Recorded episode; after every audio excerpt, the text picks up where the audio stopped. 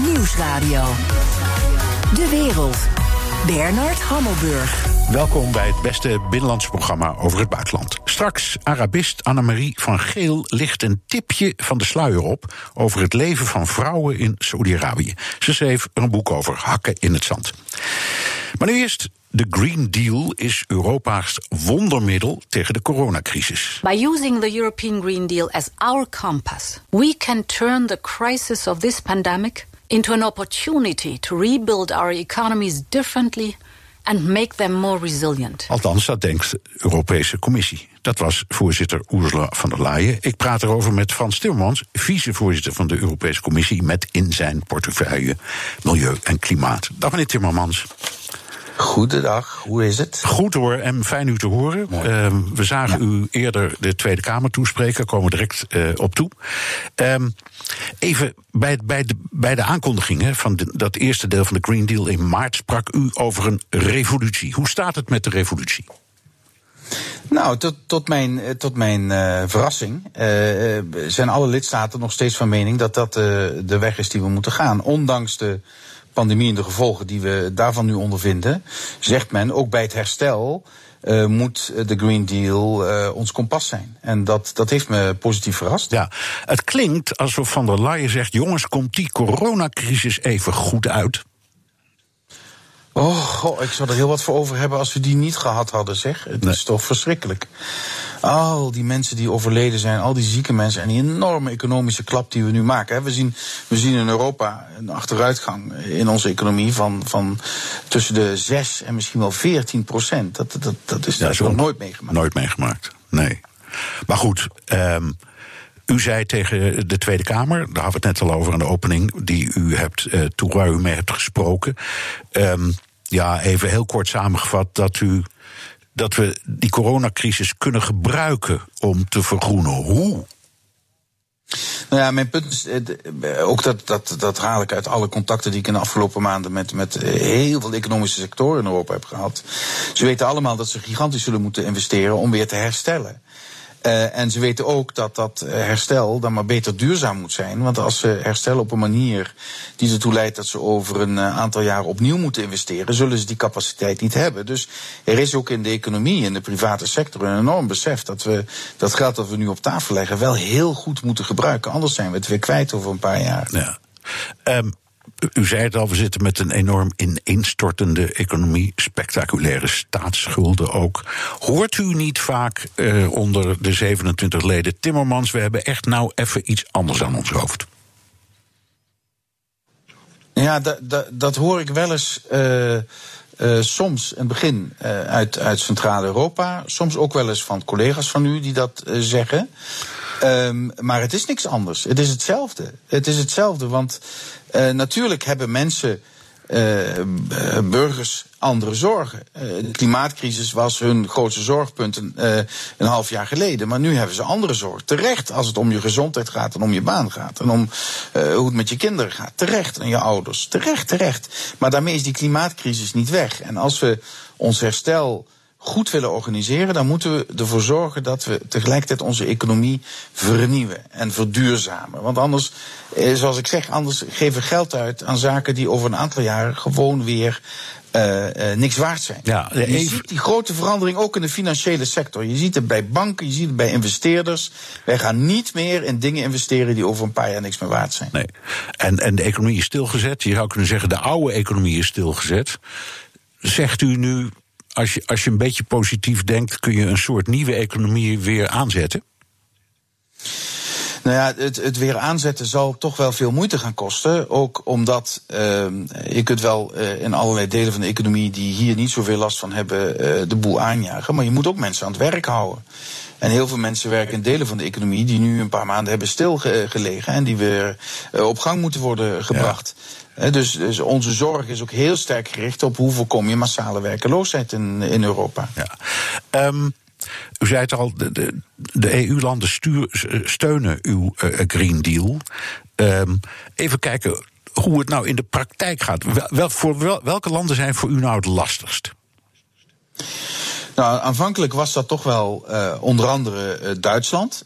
Maar Duitsland heeft een enorme omslag gemaakt. Uh, zowel wat betreft uh, hoe ze tegen schulden aankijken, als wat betreft wat er nodig is om de economie uh, te innoveren. Als je ziet het, het, het hulppakket dat ze nationaal hebben afgesproken een aantal dagen geleden, dat, dat zet enorm sterk in op sociale rechtvaardigheid en vergroening. Ehm, daar had ik een half jaar geleden nog wel, wel zorgen over. Natuurlijk die landen die voor een energievoorziening nog uh, voor een groot deel op, van kolen afhankelijk zijn. Ja, ja. dat is een zorgpunt. Ja. E even even uh, direct. Polen, 80% van de energie precies, ja. kolen. Ja, ja en, en, en ik hoor dan van pensioenfondsen en verzekeraars die daar bedrijven hebben, dus die daar zitten, dat er zelfs uh, door de Poolse regering een verplichting is gesteld om te investeren in kolen. Dus uh, het zit nog wel heel erg verankerd ook in hun financieel-economische plaatje in Polen. Ja, dat, gelukkig verandert dat ook heel snel. Want een van de, van de, van de verrassende, mij, althans mij verrassende effecten uh, van de coronacrisis, uh, die energiemarkt zakt in. Dat, dat is logisch, want er is geen vraag naar energie. Maar kolen wordt nog drie keer harder getroffen. En je ziet dat men nu echt niet meer in kolen wil investeren. En dat ook een Poolse overheid weet dat het ze miljarden gaat kosten als ze mijnen die niet meer uh, uh, kolen produceren die gekocht worden, overeind moeten houden. Ja. Dus ook daar zit men nu veel meer op het spoor. Oh, misschien moeten we over op aardgas, op windenergie. Ze investeren massaal in windenergie ja. op dit moment. En misschien kunnen we Europa vragen ons te helpen om kolenregio's om te schakelen op een andere economie. Ja. Dus dat, oké, okay, even terug nog naar Duitsland. Er zijn toch twee dingen. Uh, Duitsland gaat, lijkt het toch weer erg terug naar goedkope bruinkool. Als, als, als we een beetje uit deze crisis aan het komen zijn. En dat Nord Stream 2, dat gaat gewoon door met, met aard, aardgas uit, uit uh, Rusland. Nou, kijk, die code in Duitsland, dat is echt een aflopende zaak. Uh, daar maak ik mij uh, geen zorgen over. Ze hebben zelf als termijn gesteld uh, 2038. ik denk dat dat traject nu wel versneld zal worden. Gewoon door de economische omstandigheden. Uh, wat betreft uh, aardgas. Aardgas zal ook in de tran uh, transitie een belangrijke brandstof blijven. Aard, als je van alleen al de verandering van kolen naar aardgas leidt tot een forse reductie van, van uitstoot van broeikasgassen. Ja. Daarnaast is aardgas ook een potentiële bron om strakjes schone waterstof mee te maken. Dus dat, dat aardgas nog over een langere tijd een, een belangrijke energieleverancier in Europa zal zijn, lijkt mij, lijkt mij wel duidelijk. Er zijn landen die zeggen we moeten van het gas af. Hebben die landen dan ongelijk? Nee, uiteindelijk zullen we ook wel van, van het aardgas uh, afgaan. Maar dat zal een hele lange tijd uh, uh, duren. En ja, u moet zich ook voorstellen. landen moeten ook de tijd krijgen om daar nieuwe dingen in te verzinnen. Hè. Nederland, samen met Duitsland, een aantal andere landen, zet heel sterk in op waterstof als energiedrager van de toekomst. Ik geloof daar ook heel sterk in. Ja. Maar ja, dat moet wel worden georganiseerd en dan moet in worden geïnvesteerd. En dat zal een aantal jaren ja, En, en waterstof moet je toch fossiel maken. Dus, de, dus het is wel een prachtige nou ja, brandstof. Dat, dat, maar, dat maar, hoeft niet. Uh, nee, nee, ja, kan. maar die, die zonne-energie, dat, dat, dat lukt nog niet erg. Nou, dat lukt steeds beter met wind en, en zonne-energie. Nee, ik bedoel het maken, uh, van, ik maken van waterstof uh, ja, dat, dat ook. Ja. He, we, de, de, er worden nu grote elektrolyseapparaten gebouwd die aangedreven worden op duurzame energie. Dus, uh, en som, soms wordt het inderdaad op basis van, van, van aardgas nog gemaakt. Maar die transitie gaat wel die kant op. En op het moment dat waterstof echt zowel voor de opslag van energie als, als, voor, als, als, als brandstof wordt gebruikt, ja, dan, dan begin je echt die economie om te schakelen. Ja, ik denk dat in bepaalde sectoren waterstof een hele grote toekomst heeft, zoals bijvoorbeeld in de staalsector. Ja, uh, nog even, we hadden het over Nederland. Hè, dat wil van het gas af, het was een grapje. Maar goed, het is een, serieuze zaak. Nederland staat in de lijstjes van duurzame energie, bungelt ergens onderaan. En heeft net weer een tik gekregen over het stikstofbeleid. Hoe, hoe kijkt u aan vanuit uw portefeuille naar Nederland? Nederland heeft, uh, is begonnen met een grote achterstand. Uh, ik zeg dat ook schuldbewust, want uh, goed, ik was ook in die tijd in de Nederlandse politiek uh, actief. Dus ik weet dat we daar een collectieve verantwoordelijkheid in hebben. Maar Nederland begint nu die achterstand wel in te halen. Uh, met de maatregelen die genomen zijn, de maatregelen in het verschiet, met het klimaatakkoord dat gesloten is. Overigens is het klimaatakkoord dat in Nederland gesloten is ook de inspiratiebron voor de Europese Green Deal. Dus Nederland is wel met een serieuze inhaalslag uh, bezig en is ook op een aantal terreinen voorbeeld voor anderen. Ja, en, en nog een paar dingen, gewone dingen. Als je in Frankrijk kijkt, in Spanje kijkt, daar rijdt iedere burger en iedere ondernemer in een dieseltje. Ehm, hoe krijg je die mensen daar allemaal uit? Nou ja, kijk, het, het, punt is dat je uh, op dat punt ook realistisch moet zijn. Uh, ik heb ook een vriend van mij die zegt van uh, jij met je elektrische auto's die kosten 30 mil. ik heb nog nooit meer dan 2.500 euro voor een auto betaald. Ik heb altijd gereden. Ja. Nou, dat is ook de houding van heel veel mensen in, in, in Frankrijk en Spanje die voor hun werk gewoon van die auto afhankelijk zijn. Uh, en een van de redenen van gele vest, uh, gele hesjesprotesten in Frankrijk is dat mensen het gevoel kregen dat dat niet werd gezien door de overheid. Nee, de dus aanleiding, dus aanleiding was inderdaad een verhoging van de dieselprijs, hè? Precies, ja. verhoging van de dieselprijs. Wat voor een Parijzenaar die de metro pakt niet zo erg is. Maar als jij in Limoges woont en je moet iedere dag 50 kilometer heen en weer rijden met je dieselautootje, is een verhoging dieselaccijns is gewoon een klap als je al niet veel verdient. dus dus eh, daar, eh, het fundamentele punt voor mij is, als je de mensen niet meekrijgt in wat we willen doen, dan zetten ze de hak in het zand en dan gebeurt het niet. En je zult dus stap voor stap een markt moeten creëren voor duurzamer vervoer.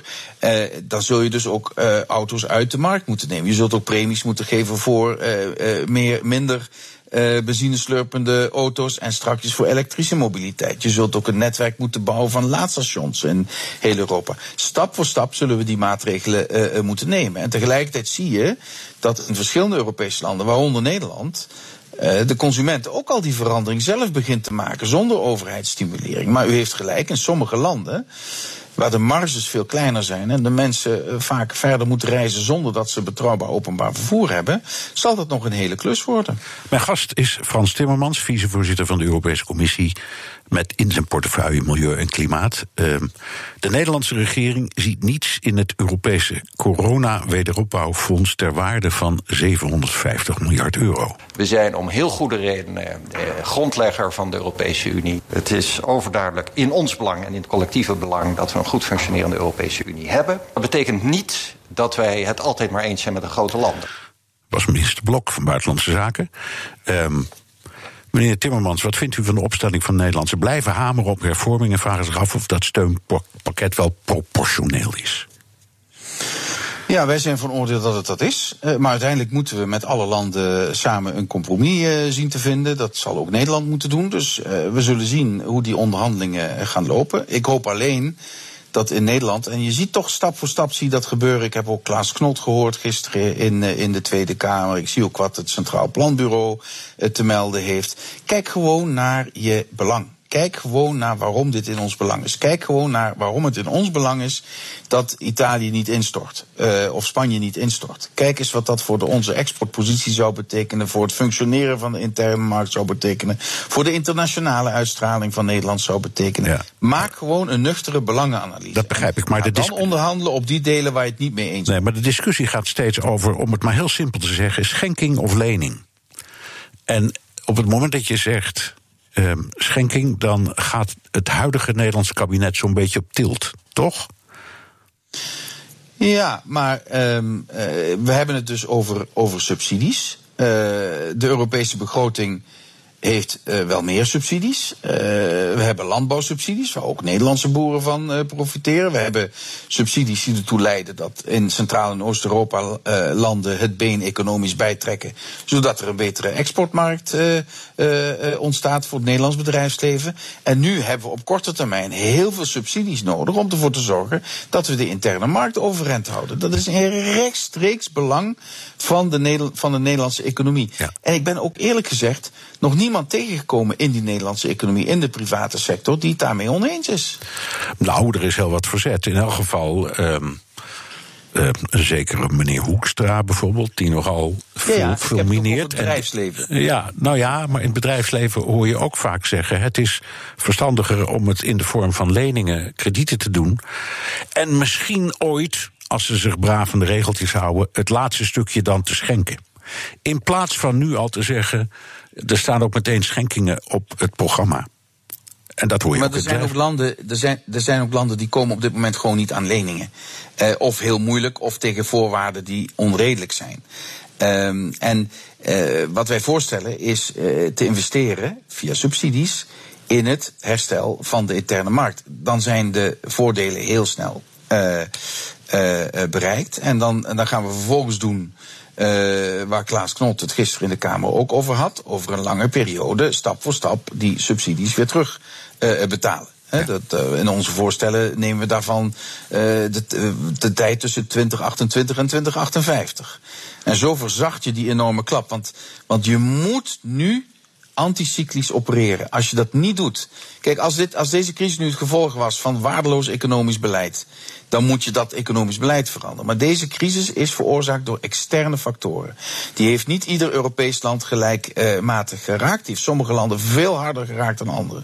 Frankrijk, Italië, uh, uh, Spanje, die dreigen 14% krimp te hebben als die het oppassen. Dus zul je ook asymmetrisch moeten reageren. En je zult snel moeten reageren en je zult fors moeten reageren. Dat is wat wij voorstellen. En ik hoop dat daarover met alle landen overeenstemming te bereiken is. Ik, ik, ik, ik sneeuw net een beetje de pas af toen ik de naam Hoekstra wilde uh, liet vallen. Toen zei ja, maar het bedrijfsleven denkt gezonder. Zegt u daarmee, Hoekstra, je hebt ongelijk in je opstelling? Nou, ik, ik, ik, kijk, dat, dat Nederland uh, de lijn kiest, we stellen er wel voorwaarden aan, daar heb ik volledig begrip voor. Daar moet ook over gesproken worden. maar dat Nederland de lijn kiest alleen maar leningen, dat lijkt me niet verstandig. Uh, dat lijkt me niet verstandig als je snel economisch herstel uh, tot stand uh, wil brengen. maar goed, we zullen wel zien wat er in de onderhandelingen gebeurt. Ik denk dat, het, dat, dat, dat iedereen reageert vanuit zijn eigen nationale achtergrond. En dat is bij Nederland toch altijd van voorwaarden stellen, geen schulden oplopen, et cetera. Al die dingen worden nu opnieuw geëikt. Je ziet dat ook eh, zou een, een, een, president van de Nederlandse banken uh, voor deze crisis hebben gezegd: het is niet meer zo erg om nu even schulden te maken om eruit te komen. Wat hij volgens mij, zijn mijn woorden, maar dat is wel zoals ik hem gisteren uh, begreep. Uh, nee, maar dat komt ook omdat je reageert op een hele atypische crisis die we nog niet eerder hebben gehad. En probeert onze economie overeind te houden en weer op gang te krijgen. Ja, daar zal je voor moeten investeren. Daar zal je voor Ehm, eh, op korte termijn schulden moeten maken. Ja, maar goed, Nederland, Nederland zegt ook: wij behoren bij de founding fathers. En ja, we zijn misschien niet de grootste, maar we zijn wel een belangrijke. En misschien eh, hoeven wij niet altijd door de bocht voor wat die grotere zeggen. En moeten ze ook eens door de bocht voor wat wij zeggen. Ja, tuurlijk. Ehm, in de Europese Unie uh, wordt altijd besloten op basis uh, van meerderheden. En als Nederland een andere meerderheid weet te organiseren, dan, dan gaat het die kant op. En uiteindelijk, eh, bij dit soort vraagstukken moet je iedereen aan boord hebben, omdat ook alle nationale parlementen ermee in moeten stemmen. Dus ook, ook het Nederlandse parlement zal ermee in moeten stemmen. Dus er zal gezocht moeten worden naar een consensus. Um, en daarin zal ook Nederland moeten bewegen, maar zullen ook anderen moeten bewegen. Ja, dat is in de aard van het Europese overleg. Ja, dat we weten uh, ongeveer hoe Nederland erin staat. En de meeste, ik denk u ook, denken: nou ja, op de een of andere manier, Nederland is altijd wel bereid om over een compromis te praten. Waar ziet u eigenlijk het grootste probleem? Welk land is het grootste probleem in deze kwestie? Oh, dat is een moeilijke vraag. Ik denk, ik denk eh, misschien wel Nederland op dit moment. Uh, Wij zijn de boosdoener. Uh, nou, geen boosdoener. Nee, nee, nee. Zo, zo zie ik het totaal niet. Ik vind het echt flauwekul om, om nu met een boze vinger naar Nederland te wijzen. Nederland komt gewoon voor bepaalde belangen op die Nederland als uh, zijn belangen ziet. Ik ben het daar niet met allemaal mee eens, maar dat is, dat is totaal gerechtvaardigd. Um, maar Nederland is op dit moment het duidelijkst daarin. Dus als u zegt wat, wat is het grootste probleem voor het consensus, dan is het toch de uh, opstelling van Nederland. Die ik daarmee niet afdoe als onterecht of zo. Dat is een keuze die de Nederlandse regering uh, maakt. Ja. Um, maar met Nederland zal moeten worden onderhandeld om tot een compromis uh, te komen. Ja, je, nou laten we het nou even omdraaien en positief denken. dat compromis zou er best eens kunnen komen, toch, meneer Timmermans? Nou, ik denk dat als ik. Ik heb geprobeerd ook het, het uh, overleg in de Kamer gisteren te volgen met uh, minister Blok. Ik denk niet dat het makkelijk zal zijn. Uh, maar Nederland uh, slaat ook geen deuren dicht. Uh, maar stelt wel duidelijke eisen. Ja. Maar eens kijken hoe ver we kunnen komen. Oké, maar ik, ik, ik stel de vraag omdat het, het ook een soort van ja, lakmoestest is voor wat de EU nou eigenlijk is. Op zo'n belangrijk moment met zo'n crisis en zulke grote problemen. Los van hoe je het invult, denk je, ja, dat moeten we toch met z'n allen kunnen aanpakken. Het is met de brexit vormen we ook één blok. Dus waarom kunnen we het hierin zo moeilijk? Nou, omdat uh, twee factoren. Omdat de belangen natuurlijk gigantisch zijn. Uh, en dan gaat iedereen redeneren vanuit zijn eigen belangen. Dat is ook heel legitiem, dat hoort ook zo. En in de tweede plaats omdat we met een situatie te maken hebben die we nog nooit eerder hebben meegemaakt. Dus dan zijn landen geneigd om terug te vallen op hun reflexen. En de reflex in Nederland is, ho ho, pas op, niet te veel. En de reflex in Italië was uh, aanvankelijk, we geven Europa maar de schuld. Uh, dus, dus dat hoort een beetje bij dit soort crisis. Dat hebben we eerder meegemaakt. Ik heb nu al een aantal van die crisis uh, achter de rug. En we scheren altijd langs de rand van de afgrond. En uiteindelijk lukt het Europa dan toch om, om een gezamenlijke weg te vinden. Dat hebben we met de Griekse crisis meegemaakt en op andere momenten. Kan natuurlijk altijd een keer zijn dat het niet meer lukt en dat er dan een grote klap komt. Vreest u dat? Ziet u dat hoop. gebeuren of niet? Nee, ik zie het niet gebeuren. Ik zie het niet gebeuren, maar ik kan het ook niet helemaal uitsluiten. Nee. Uh, dit is een crisis van een omvang die we nog niet eerder hebben meegemaakt. Dus het is ook, ja, ook voor het systeem, zowel nationaal als Europees, een enorme stresstest. Ja. Nou ja, je ziet het in allerlei andere dingen. In, in Nederland is de voorgeschreven afstand anderhalve meter. Komt zelfs misschien in een wet. In, in Spanje en Duitsland is het twee meter. In Italië is het één meter. We kunnen zelfs binnen Europa niet eens eens worden over de vraag wat nu eigenlijk de verstandige sociale afstand is. Ja, maar dat heeft ook ermee te maken dat we nog nooit hebben nagedacht over op vlak van gezondheidszorg, over Europees. Dat, dat is toch wel heel erg nationaal. En, en nu zal dat stap voor stap gaan veranderen, omdat we in de gaten hebben dat we elkaar nodig hebben. Het begon allemaal vrij triest, vond ik. Iedereen ging totaal zijn eigen gang. Maar nu hebben we het toch bijvoorbeeld over samen een vaccin ontwikkelen. Ja. Samen voorraden aanleggen voor als er nog een pandemie komt. En samen denken over de heropening van het transport en het verkeer en het vliegverkeer en zo. Precies, ja. precies. Dat, dat, dat hadden we vier weken geleden ook niet gedacht, dat dat zou lukken. Nee, nee. precies. Dus al met al, want in deze nare tijden proberen we altijd het. Uh, nou ja, ik zal het zeggen, toch een beetje het positieve te vinden. Denkt u, wij komen hier allemaal wel uit? Of denkt u, um, ik vrees met grote vrees dat er eigenlijk geen Europa bestaat? Nou, ik denk dat, um, kijk, als je het maatschappelijk bekijkt in vergelijking met de rest van de wereld, dat Europa heeft laten zien dat er een Europa is. Want uh, als je ziet hoe onze sociale systemen toch uh, uh, de werkeloosheid wat hebben kunnen, kunnen mitigeren. Als je dat vergelijkt met andere delen van de wereld, kijk maar naar de Verenigde Staten of elders. Ja. Als je ook ziet dat, goh, wat, wat, wat, wat voor ongelooflijke prestaties hebben de gezondheidsstelsels in Europa geleverd. Onvoorstelbaar. Onvoorstelbaar wat, wat ziekenhuizen, wat artsen, wat verplegers, verpleegsters hebben, hebben gepresteerd in heel Europa. Ja, dat, dat, dat is Europa voor mij. En, en dat wij dan als bestuurders ervoor moeten zorgen dat we dan ook nog eens de goede maatregelen nemen, dat is duidelijk. Maar voor mij, voor mij leeft Europa. Uh, zeg maar in de ziekenhuizen, daar waar iedereen voor andere mensen is gaan staan en zijn eigen gezondheid in de waagschaal heeft gesteld om een ander te redden. Dat is wat ik gezien heb. En dat heb ik echt in heel Europa gezien. Dank. Frans Timmermans, vicevoorzitter van de Europese Commissie. Nieuwsradio. De wereld. Bernard Hammelburg. Sinds het uitbreken van de coronacrisis wordt Europa overspoeld door desinformatie. En die komt vaak uit Rusland en China. Dat stelt de Europese Commissie. En dus is het tijd om de strijd tegen nepnieuws op te voeren. Europa-verslaggever Jes Pinster, wat voor soort nepnieuws wordt er op ons afgevuurd? Nou, wat ze specifiek noemen in Brussel is uh, alle verhalen rond het drinken van bleek. Dat dat zou helpen tegen het virus. Dat... Dus daar moet ik mee stoppen? Ja, daar moet je ja. toch mee gaan stoppen. Handen wassen moeten we toch wel doen, want er waren allemaal verhalen, is niet nodig. Want het zijn toch eigenlijk alleen maar de echt ouderen die getroffen worden. En dan heb je nog alle samenzweringstheorieën rond 5G, dat gebruikt zou worden om het virus uh, te verspreiden. En nou ja, dat allemaal bij elkaar opgeteld is volgens uh, Joseph Borrell, de buitenlandvertegenwoordiger van de EU.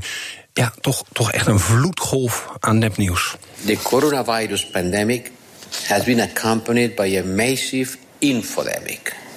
We have witnessed a wave of false and misleading information, hoaxes and conspiracy theories, as well as targeted influence operations by foreign actors. Ja, foreign actors, dus buitenlandse actoren die het doen. Rusland wordt genoemd, dat gebeurt wel vaker, maar nu durfden ze ook, en dat is nog wel eens lastig in Brussel, China dus ook bij naam te noemen uh, in de documenten die erbij zaten. Wat zei hij nou? Info panic? Ja, ja pandemic. Pandemic, pandemic. Wat is volgens de Europese Commissie de schade die aangebracht wordt door dat nepnieuws? Nou, het, al, al langer hebben ze zorgen over dat het de ondermijning is van het democratische debat. Dat het zorgt voor polarisatie. Dat ja, landen als Rusland en China het gebruiken om hun, hun eigen imago op te poetsen. Hebben we natuurlijk bij China ook gezien. Weet je, die ineens heel veel aandacht hadden voor al die Chinese mondkapjes die naar uh, Europa gingen. En wat er nu een beetje nog aan toegevoegd is met deze coronacrisis, is ja, eigenlijk dat Borrell die zei dat volgens mij ook zo van desinformatie in een tijden van coronacrisis, dat is gewoon dodelijk. En dan bedoelt hij niet alleen maar het feit dat, nou ja, dat is een van de voorbeelden, dat we bleek zouden gaan drinken. Dat is natuurlijk inderdaad uh, dodelijk. Dus ja, volgens uh, Brussel is het hun plicht om burgers te beschermen tegen deze wapens die van buiten ingezet worden. En is het niet een beetje makkelijk om alleen maar China en Rusland als schuldigen aan te wijzen? En dan bij China nog vrij voorzichtig, hè? Ja. Want Borrell die zei bijvoorbeeld ook dit. Don't worry, Europe is not going to embark in any kind of cold war against China. Ja, dus maakt u geen zorgen. Wij gaan geen koude oorlog met China voeren. Dus weet je, hij was het wel een beetje aan het inpakken.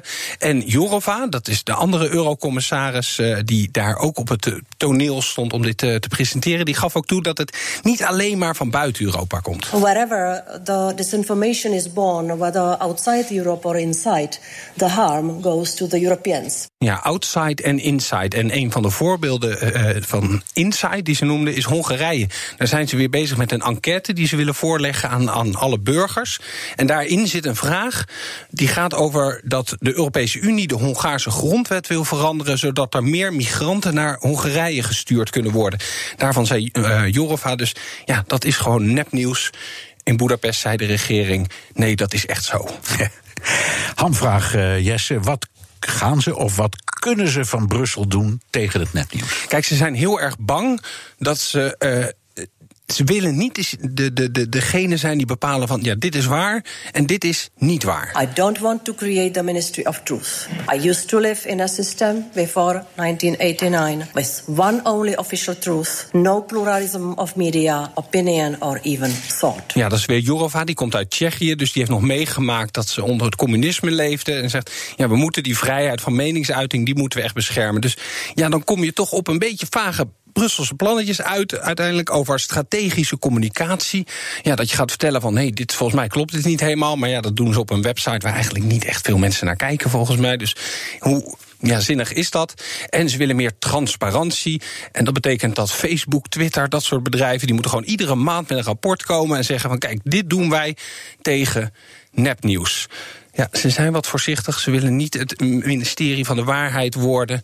Dus uh, ja, dan, dan blijft dit uh, helaas over op dit moment. Ja, ja, en het ministerie van de waarheid. We kunnen over BNR veel zeggen, maar zeker weten dat we dat zijn, weten we ook niet. Hè? Nee, dat weten we zeker niet zeker. Okay, dankjewel. Erop afslaggever Jesse Pinster.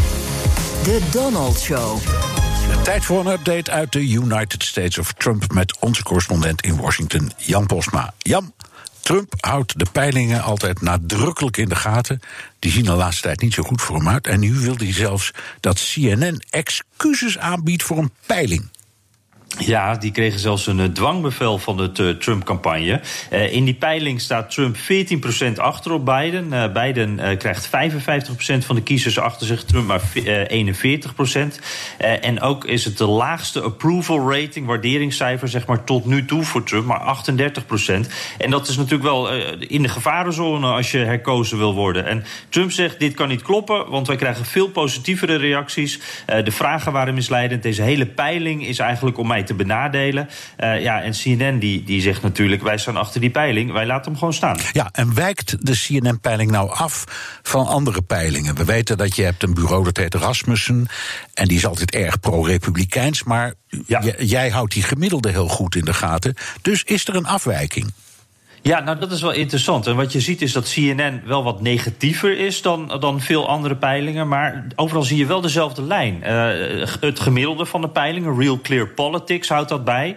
Uh, daarin staat Biden op 49,8% en Trump op 41,7. Dus de, daar staat uh, Biden ook 8% voor. En als je het dan hebt over al die andere peilingsbureaus, over approval rating, Gallup, Ipsos, Politico, Reuters, allemaal hebben dat rond de 9 39 procent. Dus dat is ook ongeveer het cijfer wat CNN heeft. Ja. Uh, dus dat, is, uh, dat wisselt eigenlijk allemaal niet zoveel. Ja. Nou heeft de, de Trump-campagne, die doet ook interne peilingen. Um, hoe staat het met Trump in wat de, de, de, ik zou maar zeggen, zijn eigen medewerkers peilen? Ja, nou ja, wat we horen is dat hij daar ook niet zo uh, goed ervoor staat. En dat dat wel voor wat onrust zorgt. Uh, na, corona, maar ook na George Floyd en, en, de rellen en de protesten daaromheen. Uh, en een deel van, van Trumps uh, adviseurs die ziet dat als een probleem. Vindt dat er echt snel wat moet gebeuren. Die, die, wilde bijvoorbeeld deze week ook een speech over raciale verhoudingen in de VS. Nou, dat wilde Trump niet. En een ander deel van de adviseurs zegt, ook bijvoorbeeld de schoonzoon Jared Kushner. ja, dit is nog veel te vroeg. November is nog heel ver. We hebben nog tijd zat. En Kushner zegt ook: onze harde kern volgt ons toch wel, wat wij ook doen. Dus het maakt eigenlijk niet uit. Ja, en valt, in, valt Trump nou terug op zijn oude vertrouwde campagneteam? Ja, dat zie je heel duidelijk. Loyaliteit vindt Trump heel belangrijk, hè, dat weten we. En hij wil eigenlijk een klein team met mensen die hij vertrouwt. Uh, en dat is eigenlijk het team uit 2016. Uh, Corey uh, Lewandowski ken je misschien nog wel, David Bossie, Jason Miller, dat soort namen. Maar tegelijkertijd hoor je ook dat hij kritisch is op bijvoorbeeld Brad Pascal, zijn campagnemanager. die geeft volgens Trump al veel te veel geld uit. En dat is wel iets om op te letten, want Trump die wil graag de underdog zijn, een klein hecht team en, en alles op zijn manier. En ook dat hij zelf beslist. Maar ja, door het hele land zijn er nu al duizend man aan het werk voor die campagne. Ik, was in oktober in Ohio. Daar was toen al een team keihard aan het werk. Uh, dat kleine team, dat is een enorme machine geworden. En dat wordt nog wel even wennen voor Trump. Ja, campagne begint volgende week al voor Trump. Ja, in, in Tulsa, Oklahoma. En, en eh, dat is een echte Trump-staat. Uh, en die zijn in fase 3 van het opengaan. Dus ja, die, die, kunnen dat soort dingen weer doen. Maar dat wordt wel een spannend moment hoor. Want ja, Trump heeft al aangegeven dat hij geen afstand wil houden in, het publiek. Dus hij wil dat de mensen gewoon lekker dicht op elkaar staan. Ook geen mondkapjes. Want hij wil laten zien dat die zaal helemaal vol is. Dat alles weer normaal is. Dat Amerika gewoon back in business is. En hij dus ook. Uh, dat wordt nog wel even spannend. En daarna wil hij naar Florida, Arizona en North Carolina. Dus de campagne gaat weer echt beginnen. En ja, de enige concessie die ze misschien willen doen is uh, hand sanitizer, ja. handontsmetter bij de ingang. Maar dat is het al. Ja, en, en binnen, hè? Niet buiten, want hij zou natuurlijk heel handig ja, gewoon buiten een uh, manifestatie kunnen doen. Ja. Maar, maar echt in dus een zaal zoals hij zich gelukkig voelt. Ja, precies wat hij wil, maar, maar daardoor toch wel spannend uh, voor, voor wat dat met corona gaat doen natuurlijk. Want dat is hier absoluut nog niet weg. Nee, dankjewel. Jan Postma, onze correspondent in Washington. En wilt u meer horen over dat fascinerende land? Luister dan naar een fonkelnieuwe editie van de Amerika-podcast van Jan en uw dienstwillige dienaar. Die nieuwe aflevering is bijna klaar. BNR Nieuwsradio. De wereld. Bernard Hammelburg. Voorzichtig aan krijgen vrouwen in Saoedi-Arabië onder leiding van Mohammed bin Salman iets meer vrijheden. The laws are very clear and stipulated in the laws of Sharia that women wear decent, respectful clothing like men. This, however, does not particularly specify a black abaya or a black head cover. The decision is entirely left for women to decide. Ja, dat was de Saoedische kroonprins Bin Salman. Met een vertaler in het programma 60 Minutes van CBS staan die vrijheden nu weer onder druk door corona. corona. Ik praat erover met Annemarie van Geel, Arabist en schrijver van het nieuwe boek Hakken in het Zand: Saoedische vrouwen over hun levens. Welkom. Dankjewel. Fijn, ja, fijn u te zien. Um, in de studio. Dat is uh, op de vermeldenswaard. Dat kan weer bij ons. Hoeveel vrijheid heeft een vrouw in Saoedi-Arabië? Ze mogen tegenwoordig autorijden, ze mogen naar de bioscoop. Uh, dat vinden wij dan hier heel bijzonder en enorm vooruitgang. Is dat ook echt zo? Het is een vooruitgang. Um, als je je kunt voorstellen dat je niet eens naar de bioscoop kon, dan is dat natuurlijk heel fijn wanneer dat ineens wel kan. Maar tegelijkertijd is er een hele grote rechtsongelijkheid tussen mannen en vrouwen in Saoedi-Arabië. Uh, mannen hebben van rechtswegen meer rechten uh, dan vrouwen. En wat je nu ziet ook al heel lang, is dat vrouwen van alle leeftijden, door alle generaties heen, zich aan het inzetten zijn om meer rechten te bewerkstelligen voor zichzelf en voor de volgende generaties. Ja. We lopen even een paar dingen uit het boek door. Ehm, Hakken in het zand, prachtige titel. Uh, een vrouwenbank. Bali-medewerkster heeft een. Uh, heeft aan een vrouwenschool gestudeerd, had ik ook nooit van gehoord. Um, je kunt eigenlijk alleen maar werken zonder met mannen in contact te komen. Hoe werkt dat? Hoe, hoe werkt zoiets? Hoe, hoe kun je die segregatie zo volhouden? Nou, laten we voorborduren op het voorbeeld van de bank. Ik, uh, ik ging op bezoek bij deze bank. Die had ik toevallig gezien in het straatbeeld. En dan moet je je voorstellen dat je de ingang van de bank in Nederland loop je gewoon de deur door en je bent binnen. Maar daar staan er, stonden er voor deze bank ja, tegenovergestelde schermen, zodat je vanaf de straat niet de bank in kon kijken. En dat betekent dat vrouwen binnen de bank uh, hun abaya's en hun hoofddoeken af konden doen. Er kwamen daar geen mannen binnen. Een man zou zich daar ook niet binnen wagen. In die tijd was het echt nog dat hij er door de vrouwen uitgejaagd zou worden. Of door de religieuze politie natuurlijk. Um, en het gaf vrouwen, wat ik ook hoorde, vrouwen die ik daar sprak, aan de ene kant belemmert het natuurlijk de bewegingsvrijheid. Als je moet je voorstellen dat je een hele dag niet met mannen in aanraking kunt komen. Maar tegelijkertijd gaf het vrouwen ook een mogelijkheid. Dus vrouwen die bijvoorbeeld van hun mannelijke voogd niet mochten werken met mannen, of die dat zelf niet wilden, zich daar niet bij op hun gemak voelden, uh, ja, gaf het toch de kans om zichzelf te kunnen ontplooien. Ja, maar het klinkt een beetje. De vrouwen gaan naar de bank zoals de mannen naar de kroeg gaan, bij wijze van spreken. Daar kun je lekker met elkaar, heb je een beetje vrijheid. Daar hoef je niet in die tooi te lopen. Nou ja, in uh, Saudi-Arabië dan toch het koffiehuis. Want de kroegen nou ja, die bestaan natuurlijk niet. Nee, ja. Neem me niet kwalijk. Nee, natuurlijk. Okay. Maar mannen hebben ook hun, uh, hun eigen klederdracht in Saudi-Arabië. Dus ja. dat is voor mannen en voor vrouwen. En om toch nog even één ding te zeggen over de segregatie. Je ziet wel dat dat ook een van de dingen is die nu aan het veranderen is. Dus dat er meer ruimte komt voor het, het mengen tussen mannen en vrouwen. Ja. Nog een fantastisch voorbeeld. Um, dat haalde ook de krant, maar ik wil het toch niet ongenoemd laten. Dat is een vrouw die naar een lingeriewinkel gaat... en er komt een Pakistaanse man om haar te helpen. Uh, want die zegt, ik kan u precies vertellen wat er goed voor u is. En dan denk je, hoe kan dat? Waarom sta, wordt zo'n vrouw niet gewoon door een vrouw geholpen? Ja, dat is, een, dat is precies de vraag die je in Nederland af zou, vragen, zou ja, stellen natuurlijk. Oké, okay, nou ja. leg uit, leg uit. Hoe kan dit? Hoe, hoe werkt dat dan? Ja, voor ons lastig in te leven misschien. Want inderdaad, als je als vrouw naar een lingeriewinkel gaat... dan word je door vrouwen geholpen. Maar deze man, uh, het, het, idee was om Saoedische vrouwen... niet met Saoedische mannen in aanraking te laten komen. En dan is een Pakistaanse man ja, minder tussen aanhalingstekens bedreigend. Uh, wordt minder, gastarbeider ja. wordt niet zozeer gezien uh, als, als een huwelijkskandidaat, bijvoorbeeld voor de vrouw. Um, en op die manier ja, werd het dan, was het dan toch een manier om een soort van segregatie te implementeren. En deze vrouw die was daar zo. Op een gegeven moment was het zo ontzettend zat dat ze een nationale campagne heeft opgezet. En uh, ja, om deze mannen te, te, te, laten vervangen door vrouwen, zodat vrouwen ook ja, meer dat, werken. Maar dat is, die, die, het is me toch niet duidelijk. Waarom, wat is het bezwaar van de samenleving om in een bedrijf waar je ondergoed koopt een vrouw te laten werken? Nou, dat gaat is dat gewoon omdat vrouwen niet mogen werken? Nee, want vrouwen mogen wel degelijk werken. Ja. Uh, juist in die segregatie. Maar deze lingeriewinkels die staan in openbare malls, winkelcentra. En daar wordt natuurlijk gemengd.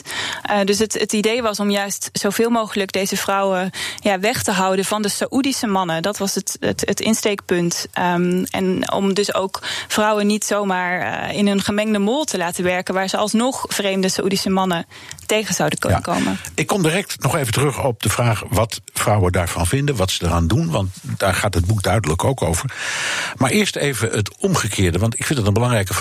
Wij vinden daar allemaal wat van. Wij Westerlingen.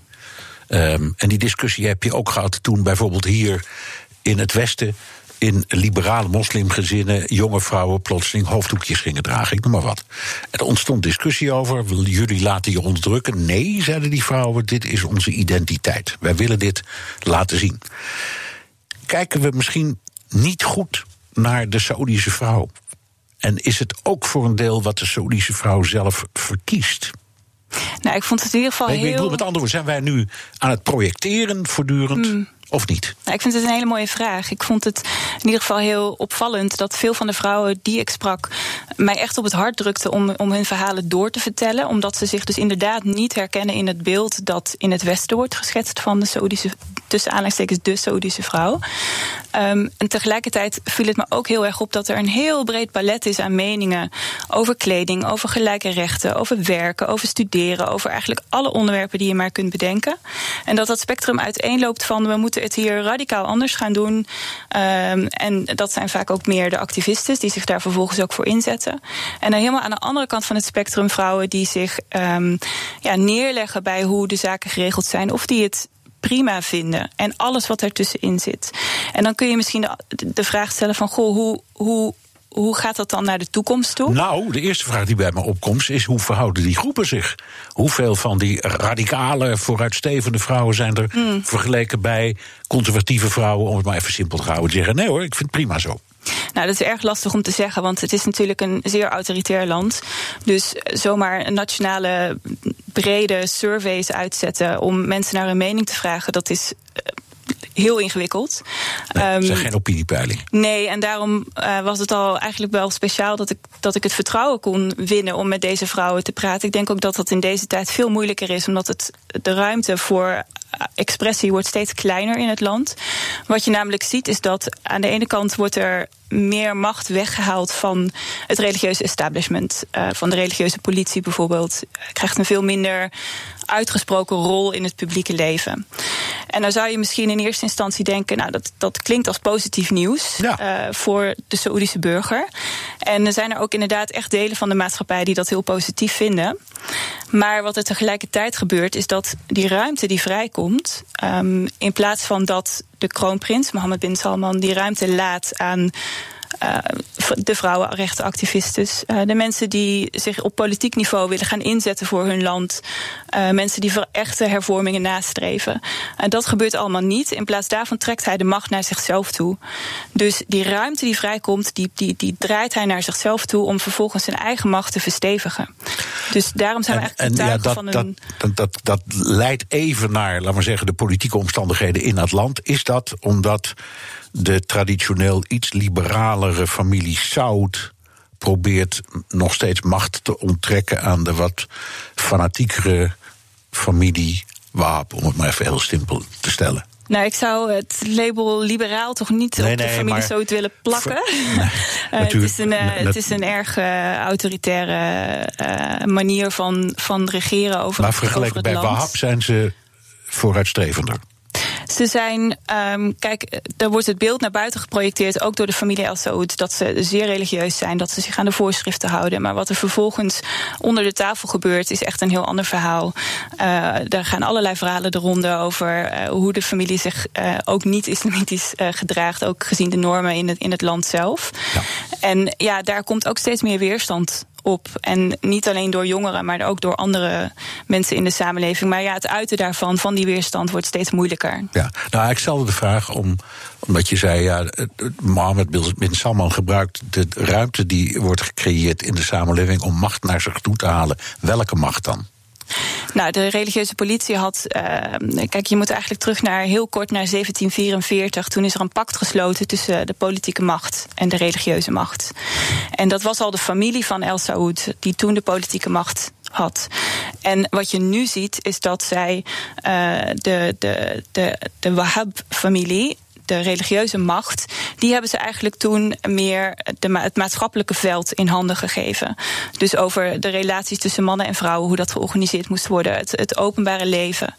En ja, dat, uh, daar komt nu wat meer, uh, wat meer ruimte op. Dat wordt weg, weg ja, uitgehold. Ja, dus, dus de vrouwen kunnen die ruimte die er ontstaat niet gebruiken. Nee, want wat er dus eigenlijk gebeurt is dat de, he, de Mohammed bin Salman wordt vaak onthaald als iemand die dus inderdaad een voorvechter is van vrouwenrechten. Maar als hij dat echt zou zijn, dan zouden de activisten die zich inzetten voor vrouwenrechten niet uh, al jarenlang in de gevangenis zitten. Nee. Dan zou hij deze vrouwen gewoon. Dus, dus even om het, om het beeld simpel te houden: je vecht voor het recht om auto te rijden. Dat verkrijg je op een bepaald moment en vervolgens verdwijnt de gevangenis. Ja, kort samengevat is dat inderdaad de situatie. En dan ook jarenlang, dus deze vrouwen zitten nog steeds vast. Ja, ja, ja. en, en um, Bin Salman is een slimme man. Die ziet wat het Westen ziet. Eh, dus waarom doen ze dat? Ik kan me voorstellen dat ze zeggen: wij zijn niet zo voor vrouwenrechten, maar om het op die manier te laten gebeuren, zo zichtbaar met onze lens erop. Waarom doet hij dat? Nou, gelukkig wordt dat bewustzijn wel steeds groter. En dat dat niet alleen over vrouwenrechten gaat, maar ook bijvoorbeeld over de sport. Uh, allerlei grote sportevenementen die worden aangetrokken. Dat we daar dus ook niet voor moeten vallen voor prachtige beelden van de Dakar Rally uit de woestijn van Saoedi-Arabië. Uh, dat, dat, ja, dat kan de, de echte situatie daar natuurlijk niet verhullen. Um, en dat is, een, ja, dat is een, een, strategie die wordt ingezet, heel bewust, uh, ook door westerse PR-bureaus ondersteund, om dat beeld te, te verzachten. En dat gebeurt op zoveel vlakken dat het heel lastig is om dat telkens boven water en dat goed te blijven ja. zien. Ja. Maar juist daarom, omdat de kans dat je in de gevangenis verdwijnt groot is, moeten we ons pet, hoofddoek, zeg maar, afnemen. Voor eh, die vrouwen die wel activistisch zijn. Absoluut, ja. Het zijn toch, ik wil echt de mannen, mannelijke uh, activisten en ook de mannen die achter deze vrouwen staan natuurlijk. Hè. Absoluut niet tekort doen, want het is ontzettend belangrijk werk wat zij ook doen en steun die zij geven. Maar het is toch wel heel indrukwekkend dat het juist in deze omstandigheden toch de vrouwen zijn die, uh, ja, die morrelen aan, aan de, de ondergrond van, van hoe de zaken geregeld ja. zijn voor verandering. Ja. Je hebt 400 vrouwen of zo gesproken voor dit Nee, boek? ik heb ongeveer 100 vrouwen 100 gesproken. vrouwen, goed. Maar dat is al wel bijna, vind ik, een peiling. Het is in ieder geval een, een, een beeld, een, een, ja, heel breed geschakeerd beeld wat ik kan schetsen En- van meningen die er zijn. En daar zaten alle soorten in. Er staat een verhaal over een vrouw die vraagt of alsjeblieft een hoofddoekje wil omdoen als er zoon binnenkomt. Klopt, ja, terwijl die tot- zoon daar eigenlijk helemaal geen moeite mee had. Nee, ja. nee tot, tot hele progressieve mensen. Ehm, ik ga weer even terug naar ons frame. Ten slotte, Mhm. ons westerse frame. Gaat het ooit veranderen? Ik denk het wel. Ik denk dat er eh, nog steeds mensen zijn die zich, die zich inzetten voor verandering. Dat de roep om eh, meer ruimte, dat, dat, dat die uiteindelijk niet verstild kan worden. Ik denk dat het, eh, het verlangen naar, naar meer ruimte en meer vrijheid van mensen, dat dat uiteindelijk groter is dan ook vanuit het Westen economische belangen, oliebelangen en dergelijke. En ja, en dat het ook heel belangrijk is dat we dat hier onderkennen. En dat we, wanneer dat gewenst is, deze mensen ook ondersteunen. Nou ja, ik, ik denk eh, een hele simpele economische regel. De olieinkomsten lopen terug. De helft van de samenleving gemiddeld in de wereld is vrouw. Het is handig als je die in kan schakelen in het arbeidsproces. Absoluut, ja. En dat is ook een van de pijlers inderdaad. Het, eh, het vervrouwelijken, zoals dat dan genoemd wordt, van de economie. Dus, eh, Gewoon dat, geld eh, verdienen. vrouwen moeten aan het werk om bij te dragen aan de economie. Ja, Ja, goed. absoluut. Dank. Annemarie van Geel, Arabist en schrijver van het nieuwe boek Hakken in het Zand. Saoedische vrouwen over hun levens. En tot zover BNR De Wereld. Terugluisteren kan via de site, de app, Spotify of Apple Podcasts. Reageren kan via mailtje naar dewereld.bnr.nl. Tot de volgende